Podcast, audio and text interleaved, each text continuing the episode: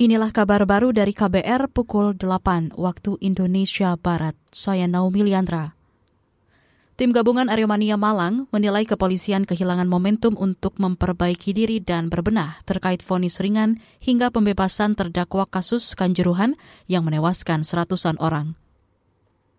Pendamping hukum tim gabungan Aremania Andi Irfan Junaidi mengatakan, putusan majelis hakim tidak adil dan tidak mencerminkan rasa prihatin kepada keluarga korban kanjuruhan.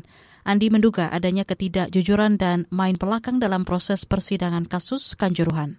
Jadi saya pikir kepolisian telah kehilangan momentum untuk memperbaiki diri, kehilangan momentum untuk berbenah.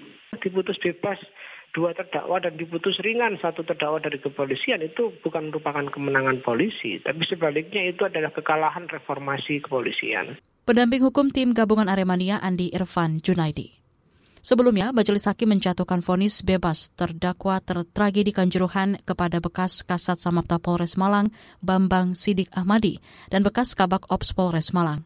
Sementara itu, bekas dan Kibrimo Polda Jatim Has Darman difonis satu setengah tahun penjara. Saudara, Badan Pengawasan Obat dan Makanan BPOM menggerebek pabrik kosmetik ilegal yang diduga memproduksi kosmetika tanpa izin edar atau TIE di Jakarta Utara. Selain tanpa izin edar, kosmetik yang diproduksi diduga menggunakan bahan-bahan terlarang seperti hidroquinon, asam retinoat, hingga dexamethasone. Kepala BPOM Penny Lukito mengatakan, dalam kasus ini barang bukti yang ditemukan senilai 7,7 miliar rupiah.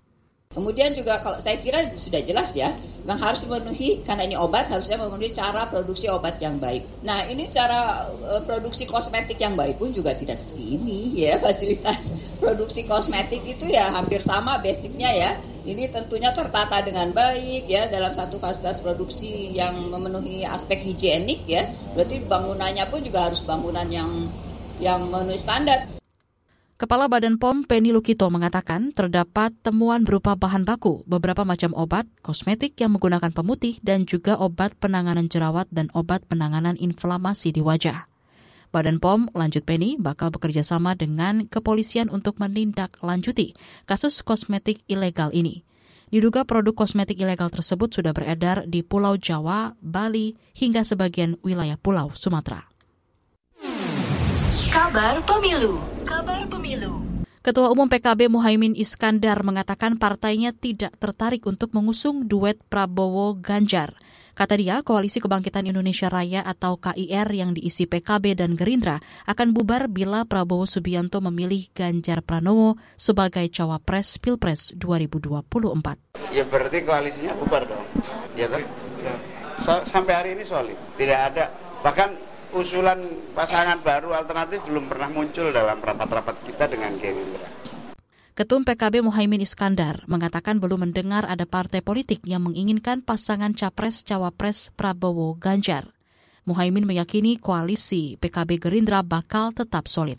Isu duet Prabowo Ganjar menguat usai keduanya tampak menemani Presiden Joko Widodo meninjau panen raya di Desa Lajar, Kebumen, Jawa Tengah pada Kamis lalu. Ketiga tokoh itu meninjau dan berdialog dengan sejumlah petani. Demikian kabar baru saya Naomi Liandra.